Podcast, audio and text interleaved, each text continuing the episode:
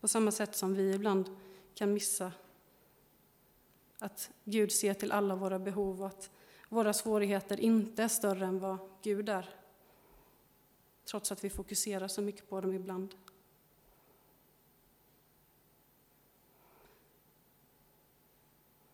Och just nu är vi inne i en faste, i fasteperioden.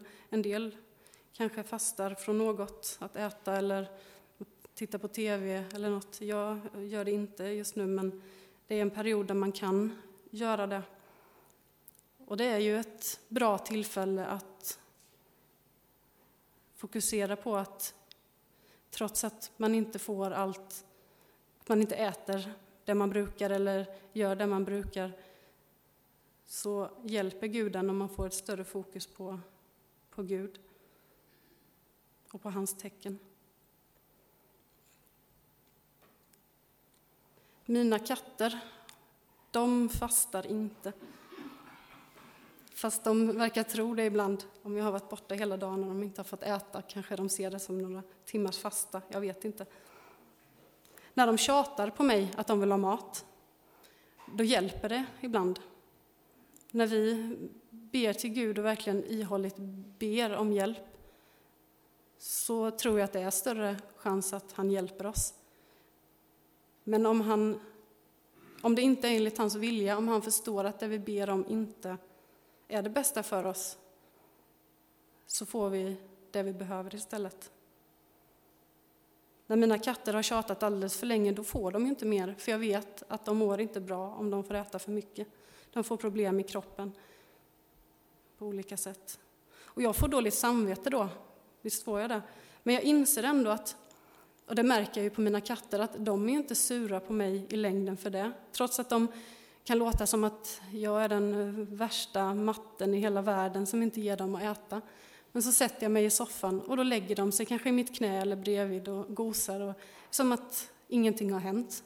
Kanske just för att de inte höll på att svälta ihjäl egentligen. Och de vet ju, tror jag, att jag har omsorg om dem. De har tak över huvudet, de har någon som klappar dem och gosar med dem. Och de får ändå äta sig mätta.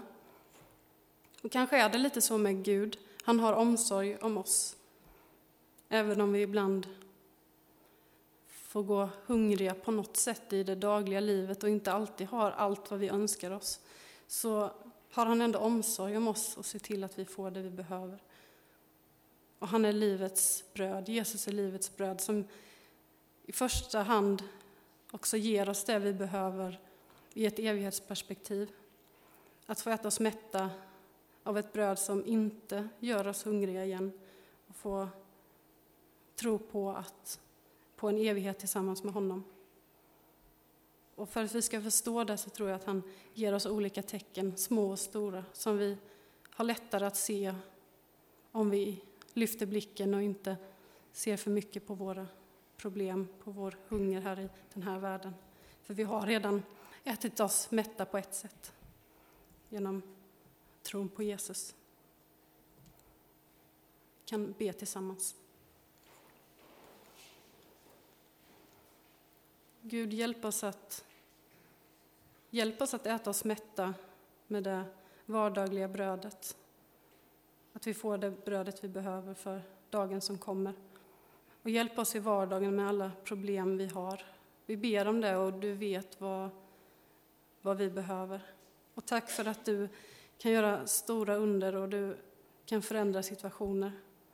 Men tack också för att oavsett hur våra liv ser ut så har du omsorg om oss och ger oss tecken på att det finns något större och att du ger oss en mättnad som varar för evigt. Jag ber att det ska hjälpa oss att ha det fokuset och se på dig och vem du är.